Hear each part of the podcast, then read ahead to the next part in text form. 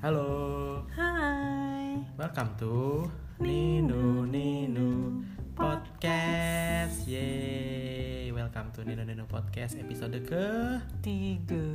tiga. Jaraknya jauh ya tapi ya dari yang kedua sama yang ketiga ya. Kita terakhir bikin kan Kayak- udah lama. Mau setahun gak sih? Ya, hampir lah. 6 bulan sih sebenarnya cuma ya. Ah, masa sih? Kan bulan puasa terakhir. Episode apa? Mungkin ada yang tahu. Episode lambung. Nyari lambung. Yang ternyata cringe abis setelah didengar lagi. Oke, maka dari itu sekarang saya ingin agak lebih kalem aja. Oke. Ya kita mau bahas apa sih sekarang di episode ketiga nih? Bahas yang hits kali ya kak. Boleh boleh apa tuh apa tuh yang lagi hits? Sebenarnya sih nggak sehits itu, cuman maksudnya lumayan menggemparkan dunia apa tuh yang Twitter. dunia? Katanya ada boba Oh oh boba minuman boba yang seliter 80.000 ribu. seliter 8 Eh 5 liter salah maaf. Oh 5 liter 80 ribu berarti seteliter 16 ribu berarti segelasnya berapa itu?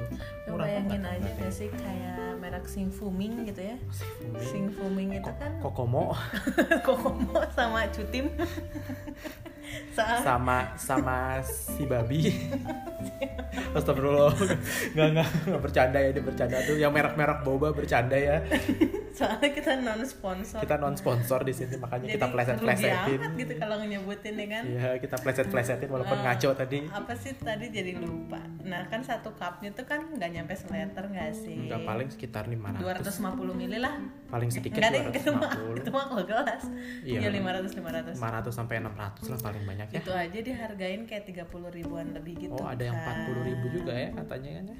Sampai 40 Yang mana ribuan. itu mohon maaf nggak pernah beli sama Ya, sama sih katanya sih, cuma katanya, Katanya. katanya.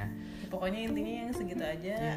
500 misalkan kan dia 5 liter terus habis itu 500 ml satu setara 10 gelas ya. buset Padahal satu gelas aja udah manis banget gak sih? udah manis gium dan Pusing tahu habis makan itu biasanya manis saking manisnya ya. gila ya Mm-mm. terus apa sih kak hubungannya antara boba tuh sama penyakit yang bahas gitu Oh ya, kan kita mau bahas penyakit yang sering banyak eh, penderitanya di klinik, di puskesmas, di rumah sakit ini banyak. yang juga termasuk ke 9 penyakit apa sih lupa kronis eh bukan Sembilan penyakit. kok kronis apa sih Sembilan jadi lupa apa tuh kan? Apa penyakit yang apa? SLE gitu PPOK ya Penyakit. Oh, penyakit non communicable disease. Bukan. Penyakit apa? Kronis kan Penyakit kronis. Iya, penyakit kronis. iya ini. kronis kan Ya, mungkin tahu lah pasti apa yang kita mau bahas dari clue-clue yang tadi sudah kita sebutkan. Jadi kita Itu mau adalah bahas tentang diabetes, diabetes. mellitus. Ya, Nah, apa sih diabetes mellitus? Pasti pasti udah sering lah dengar diabetes, diabetes. Mungkin bercanda-bercanda diabetes, diabetes juga, tapi mungkin masih bingung. seperti gulanya sebenarnya diabetisil Heeh. diabetisil Ah, diabetes diabetes teh mungkin kalian sering dengar apa sih tapi kan mungkin belum tahu. Belum relate lah. Belum relate atau mungkin belum paham betul gitu apa sih sebenarnya diabetes itu gitu. Jadi diabetes itu sebenarnya adalah penyakit endokrin ya. Penyakit masalahnya di sini adalah masalah di hormon gitu ya yang menyebabkan kadar gula darah di dalam tubuh itu tidak normal yaitu Mm-mm. lebih tinggi daripada batas normalnya. Hmm. seperti itu terus kalau misalkan diabetes itu sebenarnya ada dua tipe ya? Ya dua bet eh, tapi mungkin sebelum ke tipe bisa dulu kali ini. Eh, kan tadi kan eh, di definisinya kan gula darah yang tinggi lebih no- eh, lebih tinggi daripada normal. Nah sebenarnya lebih tinggi itu seberapa sih gitu. Nah kita kita ini dulu ya kita kita, Kita jelasin dulu breakdown. kita breakdown dulu. Jadi kapan ketik eh, seseorang dibilang diabetes itu adalah ketika yang pertama orang itu mengalami gejala klasik diabetes ada tiga gejala klasik diabetes dengan poliuri poliuri, polifagi, polifagi, dan polidipsi. polidipsi. Apa tuh polidipsi? Dipsi ini Dipsi ada. Ini dipsi tidak ada hubungannya sama teletabis ya. Kita luruskan dulu yang jadi pertama. bukan dipsinya ada banyak ya Bukan, bukan, bukan. Bukan si hijau itu jadi banyak bukan. Jadi kita balik lagi. Polidipsi, polidipsi itu adalah eh, artinya banyak minum. Jadi bawaannya haus. Hmm. aus mulu Hmm. Terus polifagi. coba ini dibuat pendengar aja para Nah, pendengar para pendengar. para pendengar setia 666 Dajjal FM di ini maksudnya kayak wah gua sering aus nih gitu Nah, kan oke mungkin sambil dipikir-pikir lagi gitu ya. Iya. Tadi polidipsi sering haus jadi banyak minum air putih. Terus Hmm. polifagi, polifagi artinya adalah banyak makan. Jadi eh, kok makannya aku banyak. semua terus habis itu Makannya banyak gitu. eh, bawaannya selalu lapar biasanya. Ini. Jadi makannya tuh lebih banyak daripada orang biasa dan yang ketiga adalah poliuri, Poliuri. yaitu eh kencingnya yang bukan banyak. kayak bukan lebih banyak dari orang biasa kali kayak lebih banyak dari biasa Dari ya boleh lebih banyak dari orang kan beda kalau misalkan model kan makannya ibarat kata Ya, cuma- seperempat piring sehari sekali gitu kalau kita kan tiga tiga gentong gitu ya cukup gitu kurang bahkan Mm-mm. nah ya mungkin tadi definisi dari polifagi kita balikin lagi. Tadi ke polifagi itu eh, nafsu makan yang meningkat lah katakan. Nah ditambah tadi dengan poliuri atau banyak buang air kecil atau sering kencing sering ke kamar mandi untuk kencing itu juga bisa masuk dalam kategori poliuri. Nah itu tadi tiga tiga gejala tiga gejala klasik itu sama kan tadi gula darahnya tinggi kan ya. Seberapa tinggi sih gula darahnya? Nah gula darah tingginya ini adalah kalau dicek pakai alat ya mungkin suka pernah ada lihat apa ditawarin cek cek gula darah gitu. Nah itu yang alat simple itu doang. yang simple itu aja. Itu tuh biasanya kalau nilai gula darahnya di atas 200 gula darah sewaktu gula ya. darah sewaktu. Nah ini ada lagi. Ini mungkin kompleks Nanti kali aja ya. lah itu ya mah. bolehlah nanti aja. Di googling aja. Nah, boleh. Silahkan googling. Nanti ada istilahnya gula darah sewaktu, gula darah puasa dan gula darah dua jam eh, setelah makan. Jadi kita balik lagi aja tadi eh, gejala klasik diabetes dengan gula darah sewaktunya ini di atas atau eh, di atas dari 200 mg per dl gram per dl. oh salah gram Eh, mg per dl, mg per dl. Ya pokoknya eh, di atas 200 lah katakan. Ini buat yang awam aja kan ya, supaya nggak terlalu bingung atau gimana 200 gitu. Nah, tadi kan diabetes. Diabetes itu teh sebenarnya ada beberapa jenis ya. Ada ada dua sih secara umumnya kita bahas dua. Jadi sini dua tipe diabetes yang paling sering. Yang pertama ada diabetes mellitus tipe 1 Mm-mm. dan diabetes mellitus tipe, Tipe 2. Nah, oke, tipe 1 ini di sini ini yang mungkin agak jarang ya. Maksudnya mungkin tadi kan saya bil- eh, kita bilang di awal diabetes itu sering, tapi bukan yang ini, bukan diabetes mellitus tipe 1 karena diabetes mellitus tipe 1 adalah diabetes yang dia disebab eh, disebabkan oleh kerusakan dari sel-sel penghasil insulin itu sendiri dan nah, di sini ya nanti kuncinya insulin ini adalah insulin nih kuncinya Insulin ini adalah hormon yang untuk eh, berfungsi mengendalikan keseimbangan, Keseimbangan kadar gula kadar gula darah, darah di dalam tubuh. Nah, kalau misalnya di kondisi diabetes mellitus tipe 1, ini sel-sel pankreas ya, ini yang menghasilkannya sel pankreas yang menghasilkan eh, si hormon insulin ini tuh rusak. Nah, rusaknya ini kenapa? Bisa macam-macam, bisa karena dia dari lahir pada dasarnya sudah rusak atau bisa juga karena dia ada terkena penyakit-penyakit tertentu seperti autoimun yang merusak sistem eh, tubuhnya sendiri sehingga eh, yang nantinya bisa merusak juga ke sel pankreas dan menyebabkan diabetes mellitus tipe 1. Nah, terus tadi kan eh, ada dua tipe besar yang kita bahas ya. Tadi kan sudah tipe 1, sekarang yang diabetes mellitus tipe 2. Nah, ini ini yang paling sering 90% penderita 90%. diabetes itu menderita diabetes mellitus tipe, tipe 2. 2 kurang lebih ya sekitar 90% nah ini penyebabnya adalah eh, berkurangnya produksi insulin dari pankreas atau eh, berkurangnya sensitivitas insulin pada sel-sel jadi gini ibaratnya eh, kalau misalnya berkurang fungsi eh berkurang jumlah produksi insulinnya mah jelas ya mungkin karena faktor usia atau misalnya faktor ada penyakit tertentu juga yang memang bisa merusak eh, sel insulin tidak secara keseluruhan itu juga bisa mengurangi peng- produksi insulin. Nah tapi ini yang mekanisme kedua gula apa eh, resi- eh, insulin yang sudah eh, resisten ibaratnya. Jadi sel-selnya tidak bisa menerima insulin karena kadarnya yang tinggi ibaratnya. Jadi karena eh, sel-sel di dalam tubuh ini kan pasti kan sering ya terpapar eh, gula darah gitu ya maksudnya. Karena dia eh, regulasinya seperti itu ya maksudnya. Ketika gula darahnya tinggi insulin keluar insulin keluar. Nah ibaratnya keseringan kalau misalnya kayak barang kan seringan dipakai lama-lama bosan kan ya? Mm-mm. aus lah aus. Lah gitu kayak gear yang terlalu sering dipakai juga kan lama-lama bisa aus ya. Sama seperti reseptor insulin ini eh, sewak- eh, se- karena mungkin sering dipakai karena dia eh, terlalu banyak stimulusnya misalnya karena tadi gula darahnya yang selalu tinggi jadi insulinnya keluar terus-terusan sel tubuh dan juga. mungkin juga kalau misalkan kita relatein sama yang tadi masalah minum boba 5 liter itu ya eh, kayak dia tuh toleransi terhadap gulanya tuh udah menurun gitu nggak Iya. sih maksudnya kayak eh, biasanya nih kalau misalkan orang normal yang gak menderita diabetes tuh kayak dia dapat eh, kalau misalkan dia dapat asupan gula dikit dia langsung keluar insulinnya Iya. tapi karena dia udah sering minum gula yang terlalu banyak jadi tuh si tubuhnya tuh menganggap ah biasa ini mah gitu nggak Iya. usah dikeluarin dulu lah insulinnya gitu bisa itu yang bikin kayak si gula darahnya tuh tinggi gitu bisa bisa bisa bisa. Karena memang ibaratnya kan ini kan tadi balik lagi aja ke produksi insulinnya. Ada nih sebenarnya insulinnya mah ada cuma mungkin sel-selnya yang nggak bisa nerima insulinnya itu makanya gula darahnya tetap tinggi. Tetap tinggi nggak bisa masuk ke dalam sel-sel tubuh.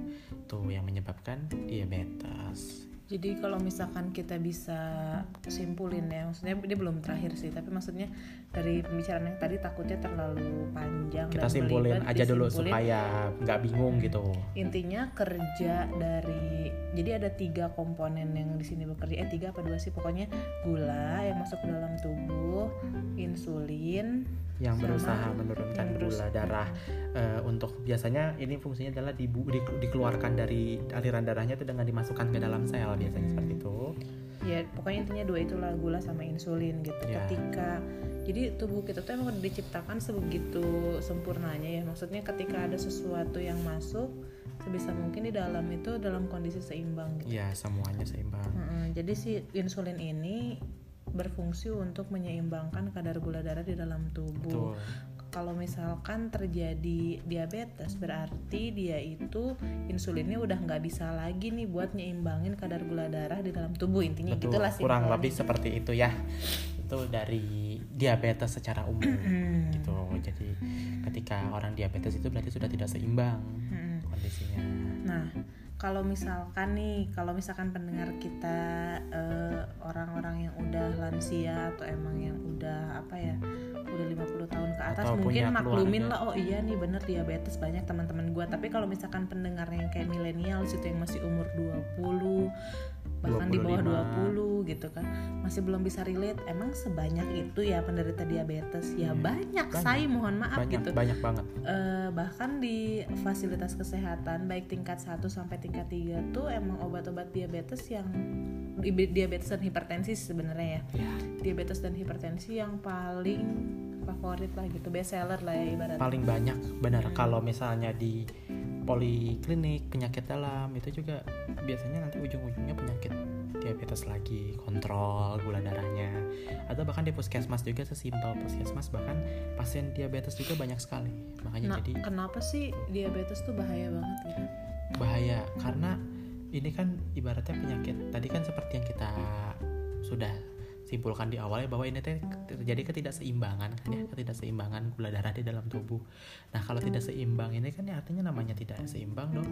Ada sesuatu yang nanti akan meng, apa ya bukan menyeimbangkan ya istilahnya akan akan ada Yang konsekuensinya akan gitu ketika terjadi. ketika tidak sesuatu tidak seimbang pasti akan ada konsekuensinya kan ya.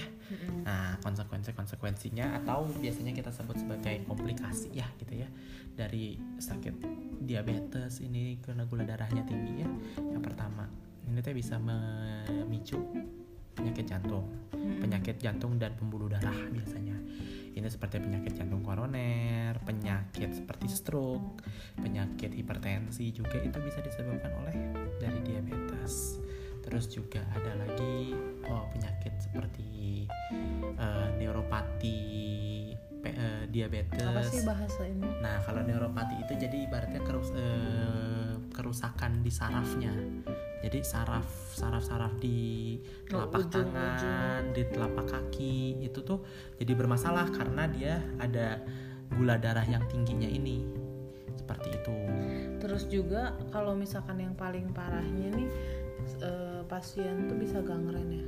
Ya, jadi kalau misalnya gangren ini, oh, mungkin ada yang nggak ngerti apa itu gangren ya. Kita jelasin aja dulu. di sini. Pembusukan. Gangren itu kurang lebih kakinya busuk, ada luka yang tidak bisa sembuh, dibiarkan terus menerus, jadi namanya gangren. Kenapa pasien diabetes itu cen- eh, identik dengan susah sembuh dari luka? Karena seperti yang kita tahu di dalam darahnya itu kan dia kan ada gula nih. Gula itu kan media yang sangat menyenangkan lah buat bakteri dan Ya. virus berkembang biak. Nah, Secara umum buat bakteri untuk eh, sumber makanannya bakteri lah gitu. mm, gula itu nah ya gimana namanya juga banyak gulanya dia terus-terusan aja Ya. menggerogoti si sel-selnya Jadi gitu. ketika dia ada luka ya biasanya kan uh, gangren ini tuh sesimpel dari luka kecil, Mm-mm. ketusuk paku, ketusuk Jarum. jarum, bahkan jarum pentul bahkan yang kecil itu juga ketika orang diabetes tertusuk jarum dia kecenderungannya adalah susah sembuh pasti. Karena tadi kan dia luka terbuka bakteri masuk bakteri merasa oh ini tempat yang nyaman untuk saya tinggal menyebabkan eh, membuat koloni tempat tinggal baru merusak jaringan-jaringan sekitarnya menyebabkan luka yang tidak sembuh-sembuh. Ketika luka tidak sembuh-sembuh itu tidak diobati tidak dibawa ke dokter akan menjadi gangren. Kalau mau tahu gangren seperti apa Hmm, jangan bentukannya di searching jijik Ya, sebetulnya jujur. jangan di searching tapi mungkin kalau ada yang punya perasaan curious ingin tahu boleh dilihat. Makanya kalau pasien diabetes tuh yang diwanti-wanti emang jangan sampai luka lah ya. jangan sampai luka makanya mungkin juga suka ngelihat orang di kalau misalnya di luar gitu ada klinik spesialis luka diabetes itu ya karena memang apa sih namanya itu. teh? banyak macam-macam di luar Itu di sana dekat rumah juga ada. Aduh apa ya? ya adalah pokoknya itu Yang warna hijau. ya itulah itu pokoknya apa? pokoknya biasanya mungkin namanya. suka mungkin di apa pendengar juga suka pengen cari jadi. suka lihat apa suka lihat kayak uh, rawat luka dia apa spesial apa rawat luka diabetes spesialis luka diabetes. Karena memang ada baiknya luka diabetes itu dirawat secara khusus. Jadi ada ada yang merawat lukanya supaya dia sembuh supaya dia bisa normal lagi gitu. Tetap dengan uh, saran dari dokter di- eh, bersama perawat biasanya ya. Nah itu. Jadi mungkin itu sih bahayanya ibaratnya teh salah satu paling bahayanya lah gitu karena kan gangren kan kalau nggak diobatin kan ya itu bisa nyebar nanti kalau sudah nyebar juga kalau sudah nggak bisa disembuhin ya mau nggak mau kan harus dipotong kan lukanya atau bahkan kakinya sama amit-amitnya gitu ya Takut ah. Nah, udah jangan bahas sampai situ lah, terlalu serem. Terus juga lagi-lagi juga, eh, selain itu juga efek dari diabetes ini konsekuensinya ketika gula darah terlalu tinggi adalah bisa merusak retina mata. Retina mata Hmm. itu bisa rusak dengan mekanisme ah, banyak panjang lah mekanismenya pokoknya eh, dia bisa merusak retina mata dan seperti yang kita tahu retina itu adalah tempat tempat bayangan dari mata jatuh kan ya yang supaya bisa diproses sama saraf Oh makanya glaukoma ya? glaukoma Eh, enggak ya? bukan Enggak juga bukan ya? glaukoma kalau glaukoma itu kan lebih ke karena cairan di dalam matanya ya nah itu juga bisa glaukoma salah satu eh, Manifestasi. manifestasi apanya komplikasi dari diabetes glaukoma dan ada istilahnya eh, retinopati diabetikum Oh, iya. jadi dia retino eh, retina yang tadi yang eh, tadi saya sudah bilang retinanya itu rusak karena eh, gula darah yang terlalu tinggi di dalam darah sehingga Pokoknya intinya jangan sampai diabetes deh, soalnya ke mana-mana tuh. Hmm, itu kan bikin buta kan Mm. risiko yang paling intinya matanya Dan biasanya tuh diabetes tuh pasti sepaket sama hipertensi. betul, betul. hampir hampir selalu Mm-mm. nggak selalu bisa saja masing-masing sendiri sih, tapi cuman biasanya mah secara umum kalau misalnya pengalaman pribadi mah seringnya lihat pasti satu paket deh ada hipertensinya ada diabetesnya terus gimana sih biar nggak kena diabetes kak? gimana biar nggak kena diabetes ya berarti kan cara mencegahnya ya cara mencegah diabetes mah gampang kok sebetulnya. Cuma dua dua garis besar ya. Sebenarnya mah banyak cuma ini kita bagi secara umum dua garis besar ya. Apa aja? Hmm, jangan kegendutan. ya jadi cara umum adalah hidup sehat dan aktivitas fisik yang cukup jadi kalau apalagi misalnya kalau punya faktor resiko kayak misalkan orang tuanya Nah. diabetes juga itu harus benar-benar di dijaga banget. Aware harus dicek lagi juga gula darahnya secara Rutin. rutin, jadi eh, hidup sehat hidup sehatnya seperti apa sih? Hidup sehat kan? Nggak harus yang nge-gym kayak Arya ya. Nggak harus. Tahu cuma Arya nggak? Tahu tahu. Jadi nggak perlulah eh, yang berlebihan. Cukup secukupnya aja semampunya aja tadi kita mulai dari hidup sehat makanannya dijaga jangan terlalu Ngomong. banyak boba kan tadi kan kita balik lagi ke yang pertama sebenarnya kita juga suka beli boba sih cuman nggak 5 liter Eh. enak juga sih habisnya boba tapi nggak 5 liter Hmm, juga ya jadi boleh lah boba cuma kan diatur ya segala sesuatu yang berlebihan juga nggak ada nggak bagus kan ya Mm-mm. Jadi ya diatur atur lah. Boleh lah sekali sekali seminggu sekali sebulan sekali misalnya gitu. Pilih minum minuman kayak gitu nggak ada salahnya. Cuma ya balik lagi tetap harus hidup sehat makan makannya dijaga porsinya harus seimbang nasi sayur lauk buah susu empat sehat lima sempurnanya harus terpenuhi. Terus juga aktivitas fisik ya kan karena supaya gula darahnya terpakai gitu ya. Maksudnya kan kita kalau aktivitas Oh, fisik iya, kan pasti pakai gula darah kan ya. Kalau gula darahnya tinggi terus di dalam itu kan karena nggak kepake juga kan bisa ya kan Nah, itu juga Betul, betul. salah satu faktor risikonya karena kurang aktif juga kan gula darahnya jadi tinggi nah caranya supaya nggak Terus tinggi nanti itu kalau misalkan cek si gula darahnya, misalkan nih seandainya habis denger ini, ih pengen cek gula darah jangan pas habis makan ntar kaget tinggi, mohon maaf. pasti tinggi Apalagi habis makan nasi, Hmm. nanti aja kayak dua jam gitu. dua jam setelah makan atau misalnya kalau biasanya kalau di laboratorium atau misalnya mau cek lebih lebih ininya sama dokter pasti disuruh disuruh puasa dulu jadi Ya itu puasa mah komplit lah, Ya, biasanya. itu mah. biasanya kalau misalnya set, set, eh, periksa yang lengkap dari dokter biasanya pasti disarankan untuk cek gula darah puasa kan ya yang tadi kita bilang di awal itu biasanya 8 sampai 10 jam dari malam terakhir makan eh, sekitar jam 7 malam jam 8 Hmm. Setelah itu puasa sampai 10 pagi 8 sampai 10 jam puasa nanti paginya diperiksa gula darahnya tapi puasa teh emang puasa kayak gimana sih bukan puasa kayak orang Puasa nggak makan puasa aja kan, gitu. minum mah boleh kan? Nah betul, jadi puasanya di sini kan kadang kan bingung puasa, oh masa su- sepanjang malam puasa nggak makan apa kayak bulan puasa enggak bukan? Makan we, eh, minum, minum we. aja, tapi yang penting minumnya adalah minum air putih, nggak boleh minum yang manis karena kan balik lagi kalau misalnya habis apa mau periksa gula darah puasa malamnya minum boba ya sama aja bohong atau. Gula darahnya naik lagi. Atau paginya sebelum sebelum apa sambil jalan ke rumah sakit sambil nyedot boba ya bubar. Gula darahnya pasti tinggi. Nah. Nah terus kalau udah terlanjur kak gimana? Misalkan orang tua saya? Ya buat orang yang mungkin ada yang keluarganya ada kena diabetes ada yang kena apa ada yang mungkin sudah usia faktor risiko lah gitu udah usia usia lansia gitu yang kayak gimana nih caranya kalau misalnya sudah kena diabetes teh bagaimana cara mengobati bukan mengobati ya kalau diabetes kan ya Diabetes itu sebenarnya kan suatu penyakit yang harus di maintain dengan harus baik dijaga kan sebisa mungkin si gula darahnya tuh jangan sampai naik banget gitu Betul. Jadi eh, karena ini kan tadi kan seperti yang kita bilang di awal ya ini kan masalahnya sudah rusak di tidak seimbang di insulinnya kan ya. Ini prosesnya bukan proses yang bisa sembuh balik bukan lagi. kayak misalkan pusing minum obat pusing udah nggak pusing lagi nggak gitu. kayak gitu Nggak kayak gitu. Ini kalau misalnya memang ibaratnya sudah nggak bisa memproduksi insulin atau sudah tidak sensitif terhadap insulin nggak Hmm. bisa balik lagi. Hmm. Jadi caranya ya harus dikendalikan gula darahnya. ya. Caranya yang pertama sih kalau misalkan obat jelas lah itu mah kalau ke dokter pasti dikasih obat. Tapi kalau misalkan dari diri kitanya sendiri nih kalau tipenya aduh nggak bisa deh minum obat-obat terus gitu kan karena obat juga bikin efek samping yang Ya. banyak. Mulai dari makan nasinya ganti jadi nasi merah biasanya ya kalau Ya. orang diabetes. Terus juga abis itu asupan kayak daging-dagingan sama gulanya jelas dibatasi. Oh ini apa diet rendah gula ya. Ya. Jadi, Jadi- makanannya nggak yang pakai gula banyak-banyak Ya. banget gitu. Jadi biasanya diet orang diabetes tuh ada istilahnya 4J. apa tuh? 4J itu teh jumlah, jumlahnya disesuaikan, jenis jenisnya di, dilihat lagi Jam ya, disesuaikan. jumlah, yang jenis, jumlah, jam, Mm. sama J satu lagi apa ya? Jam itu. Bukan. Jum, aduh lupa, eh. Jum. aduh malu banget ya, Jum lupa. jum jum jumanji. Jumlah, jenis, jam, sama, Ih gimana sih lupa lagi bentar ya coba diingat-ingat dulu. ayo empat itu 3J berarti 3J plus 3J plus.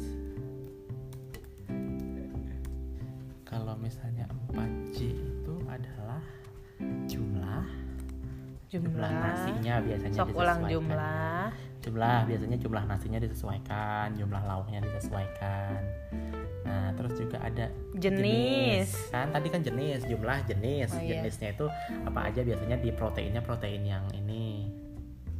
Oh jurus masak yang ke satu lagi. oh jurus masak. Iya tuh benar jurus masak jadwal. Coba diulang jadi. Coba. ada 4J untuk orang yang udah diabetes. Yang pertama jenis. Jenis makanannya dipilih-pilih. Nasinya jadi nasi merah lalala terus habis itu jadwal, jadwal. makannya kayak orang mah juga sih hampir-hampir sama. 5 sampai 6 kali sehari tapi dikit-dikit. Terus habis itu jurus masak. Jurus masak teh kalau bisa jangan digoreng rebus aja. Kukus. atau di pan share kalau kata di Hell's Kitchen. Kalau enggak dikukus. atau enggak dikukus gitu kan. Atau Terus- dimakan mentah mungkin kalau misalnya ya. itu ada yang bisa dimakan mentah kayak sayur buah-buahan. Mm, atau jum eh sama jumlahnya disesuaikan dengan aktivitas dan eh, apa asupan harian kita gitu Ya. sesuai usia. kurang lebih seperti itu. Terus habis itu aktivitas fisik juga sama pentingnya untuk pasien-pasien yang sudah terkena Mm-mm. sakit diabetes itu harus tetap aktivitas fisik untuk mengendalikan supaya dia tetap bagus gula darahnya kan tadi seperti mencegah dan supaya mencegah gula darahnya nggak terlalu tinggi makanya juga gula darah eh, aktivitas fisiknya juga harus terjaga seperti itu Terus kalau misalkan itu kan yang non obatnya ya non farmakologi eh non farmakologi bener. Kalau misalkan dia udah di, udah ke dokter terus udah dikasih obat nih eh, untuk menderita diabetes itu yang pertama karena dia kan pasien yang kronis ya minum obatnya selamanya lah ibaratnya gitu. Oh, yang harus dilakukan oleh para keluarga atau misalkan nih orang tua kita udah terlanjur kena diabetes kita tuh jadi PMO atau pengawas minum obat. Maksudnya percumalah eh percumalah beli obat mahal-mahal atau kalau sekarang mah BPJS meren ya.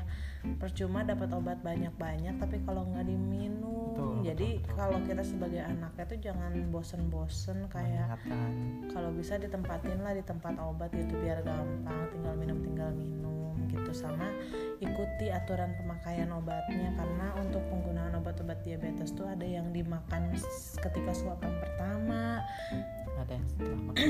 Ada yang setelah makan ada nggak ya?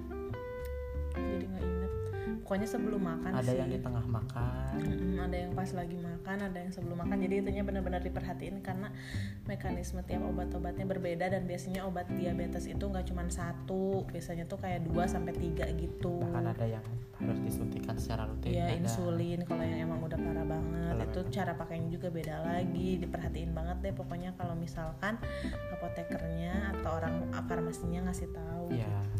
Dari dokter juga pasti kan setelah dicoba selalu untuk dipilihkan obat yang sesuai sama pasiennya kegiatan. sesuai sama kegiatan sesuai dengan kebutuhan pasien. Jadi dijelaskan juga tentunya untuk apa penggunaan obatnya bagaimana bagaimana cara minum obatnya. Jadi yang penting selama sudah diberikan seperti itu sama dokternya ya diikutin saja. Dari kan semuanya juga di rumah kalau misalnya di fasilitas kesehatan pasti dari dokter farmasinya bagian perawat semuanya juga pasti akan meng, apa ya memberikan edukasi ya kepada pasiennya kalau misalnya bagaimana cara minum atau menggunakan obat-obatan diabetes. Yang penting ikutan ikutin aturannya. Gitu.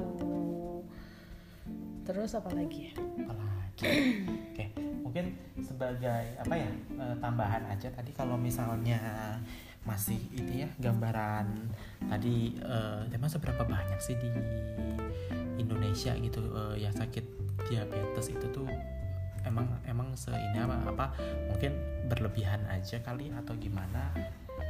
Ya kita kasih faktanya aja bahwa di based on Indonesia ini dari hasil penelitian Riskesdas atau riset kesehatan dasar pada tahun 2013 menunjukkan ada angka penderita diabetes itu adalah satu setengah persen dari seluruh populasi ya berarti ya. Mm-mm.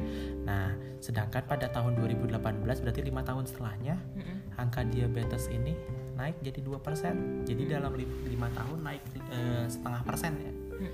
Nah, bayangin ini Coba lima tahun lagi nanti 2023 Nah, ningkatnya kayak gimana dengan 2023. adanya boba 5 liter dan lain-lain. naiknya mungkin dikhawatirkan bisa lebih tinggi dari setengah persen ya gitu. Iya. Makanya jadi mungkin eh, kita juga di sini ber, eh, berusaha untuk meningkatkan awareness kalian semua terhadap penyakit diabetes ini Hmm. karena seperti yang sudah kita, jelaskan tadi juga diabetes juga banyak sekali Dan kerugian- apa ya kalau misalkan kita perhatiin sih sekarang faktor resikonya bertambah nggak sih? Bertambah. Maksudnya kayak dengan adanya makanan yang cemacem, ya tinggi gula. dibandingkan dengan Kalau kata dokter Aan sih masa depan cerah lah untuk para dede-dede yang mau ngambil PPDS, SPPD gitu ya, ya. karena kita mungkin kalau misalnya angkanya tidak dikendalikan eh, seperti ini kalau misalnya tidak dikendalikan ya angkanya ini dari satu setengah persen naik jadi dua persen lima tahun lagi naik jadi dua Kalau lima tahun lagi naik menjadi dua setengah masih wajar sih maksudnya kayak gradual gitu naiknya. Ya. Cuman kalau misalkan dia naiknya tiba-tiba melonjak, berarti ada yang harus dipertanyakan ada apa ini gitu Ya, ya. Mungkin lifestyle-nya yang gaya hidup yang berubah. mungkin mempengaruhi ya biasanya ya Mm. gitu sih mungkin Udah sih paling itu aja. paling itu aja sih dari kita tentang tentang DM. diabetes mellitus Eh, semoga yang belum kena jangan sampai kena Jangan dan sampai kena. bisa apa ya bisa ada tindakan pencegahan dari sekarang karena mungkin mendengarkan podcast ini terus habis itu buat yang juga sudah kena diabetesnya juga jangan leb- putus asa jangan karena putus asa. itu bukan penyakit yang mematikan biasa aja selama kitanya nurut gitu kan selama selama diikuti uh, advice dari dokter selama di selama uh, rutin selama rutin pengobatan obat dan kontrolnya pasti komplikasi-komplikasi yang tadi kita uh, bahas juga nggak akan terjadi gitu. Terus juga mungkin untuk para boba lovers yang sekarang masih belum relate mungkin 15 tahun lagi atau 20 tahun lagi bisa denger ini oh iya ya gitu kayak relate. Iya. tapi jangan sampai sih. Jangan sampai makanya ya. jangan janganlah beli-beli boba 5 liter gila apa?